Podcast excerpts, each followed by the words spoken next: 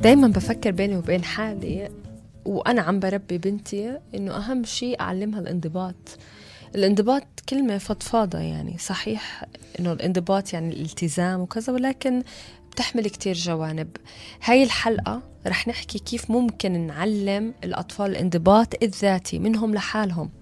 مش إحنا اللي نعطيهم الأوامر لحتى يتمكنوا إنهم ينموا بالطريقة الصحيحة ليوصلوا هم لاهدافهم بالنهاية إحنا كل أمنياتنا في التربية إنه نبني جيل صالح بكل مواصفات آه، إنه كيف إنه يكون صالح ويخدم هذا المجتمع. بغض النظر عن نوع التأديب اللي بنقرر إحنا نستخدمه مع أطفالنا لازم يكون الهدف النهائي للأبوة والأمومة هو تعليم الطفل الانضباط الذاتي والانضباط الذاتي بيساعد الأطفال على أنه يأخروا الإشباع ويقاوموا الإغراءات غير الصحية ويتحملوا كل الإنزعاجات اللازمة للوصول هن لأهدافهم طويلة المدى. الانضباط الذاتي هو المفتاح لمساعدة الأطفال على أن يصبحوا بالغين مسؤولين وإذا علمنا أطفالنا الانضباط إحنا مرقنا ثلاث أرباع الطريق أنا برأيي. ما بعرف إذا أنت بتخالف بتخالفني بوجهة النظر. لا أول شيء مرحبا مرام مرحبا المشاهدين والمستمعين. أنا بخالفكيش إيه، ولكن موضوع الحلقة صراحة جدا جدا مهم جدا ثقيل. ليش ثقيل؟ قبل ما أبدأ أفكر إيه، أعلم أولاد الانضباط بدنا شوي معنا نرجع نحكي عن إيه، والديتنا. وخصوصا في ظل الضغوطات والصعوبات اللي بتعلى مع فترة المدارس. بقدرش أعلم انضباط إذا إيه، أنا ما في عندي طولة بال قدرة على عدم الانفعال قدرة أنه أنا أحكي كأب وكأم مع حالي وأقول امسك حالك امسكي حالك ما ترد ما تصيح ما تصرخ. بس أنا بدي ادافع على الأبهات والأميات بيطلع لهم مرة شي نهار يعصبوا يعني. لا إحنا مش عم بنقول بيطلع لهم شي يعصبوا. إحنا عم بنقول إيه كم مرة إنك عمليا شو يعني شو يعني فكرة الانضباط؟ شو يعني فكرة تعليم الانضباط؟ وشو يعني فكرة خلينا نحكي تأجيل الرغبات؟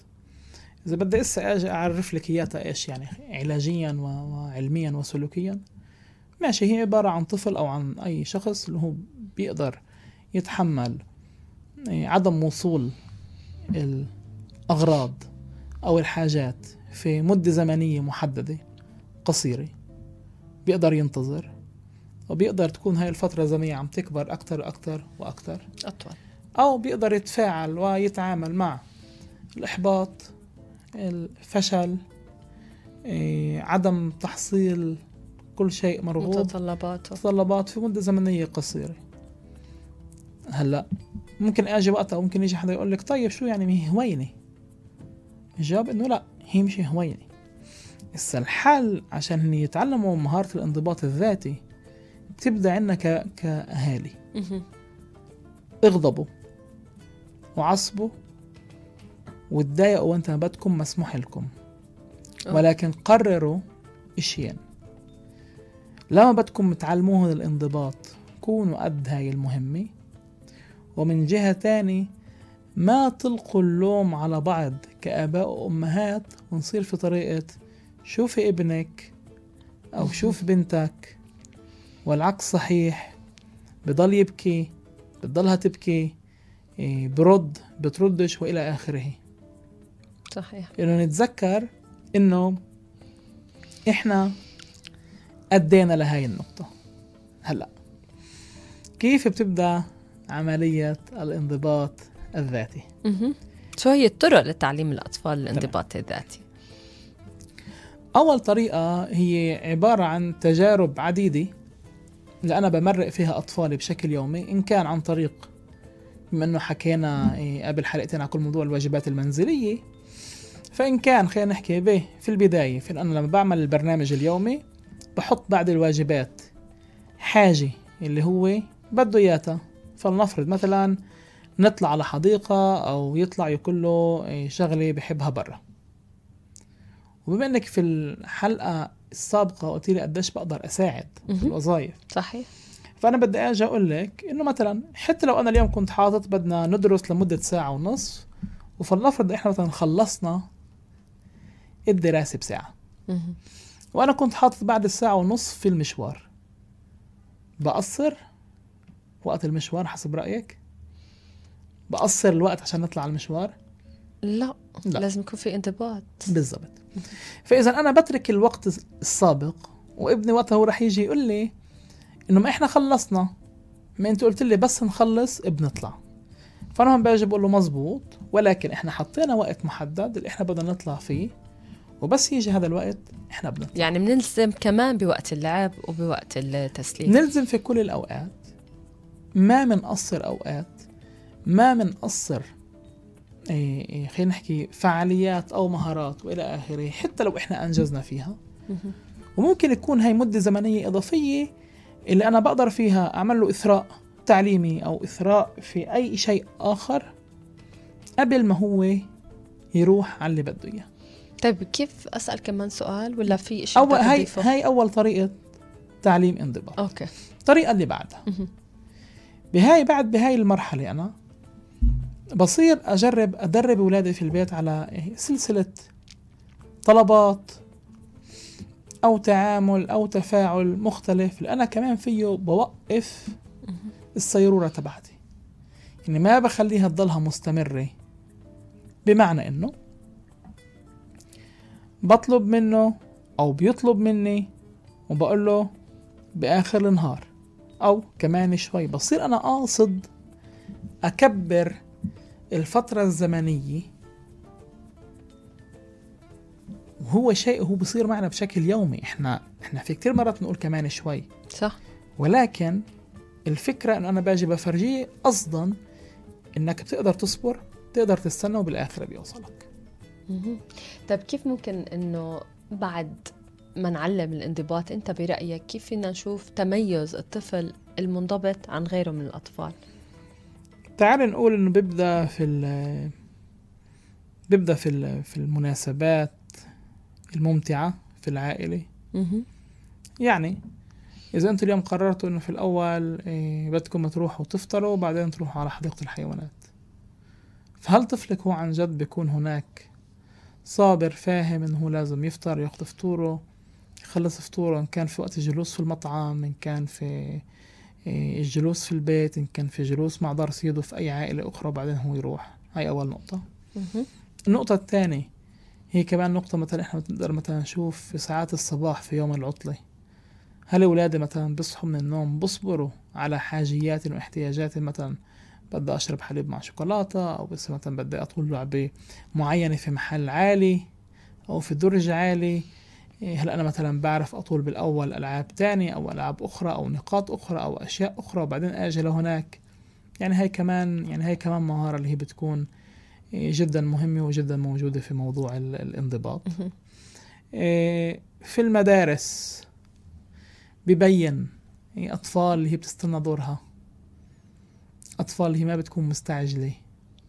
أطفال اللي هي ممكن إيه، إيه، تستنى حتى لما بيجيها إمكانية إنه هي تشارك.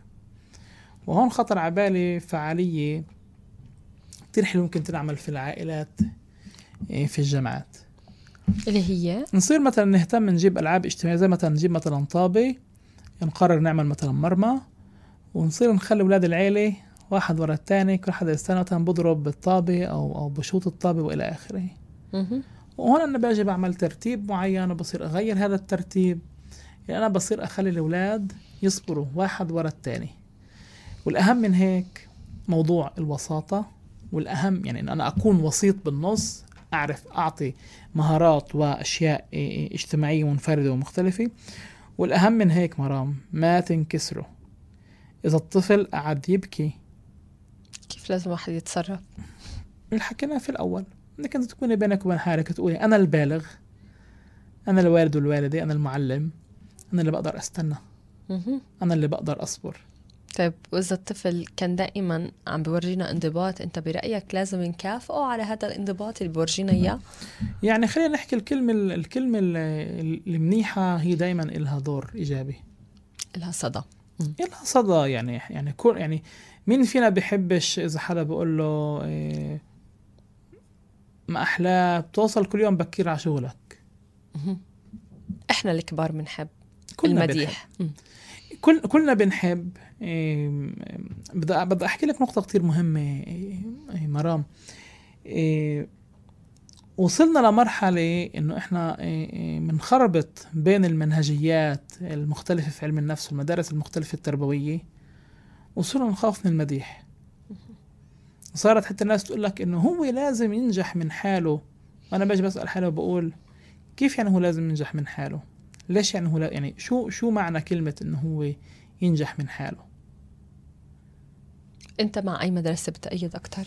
أنا محلل سلوك أنا مع مدرسة سلوكية طبعا يعني أنا أكيد يعني أكيد أكيد حتى لما عملنا البودكاست مرام إحنا بنيناه وفي المحادثات الأولى اللي كانت بيني وبينك إحنا حكينا إنه هو بودكاست تربوي يعتمد على المنهجية السلوكية صحيح صحيح أمجد لازم نتذكر ونذكر حالنا دايما إنه الأطفال بيتعلموا بشكل أفضل لما يشوفونا إحنا كيف بنتصرف زي ما أنت قلت. لازم نتذكر إنه إحنا راشدين إحنا اللي أكبر منهم إحنا اللي بنعلمهم.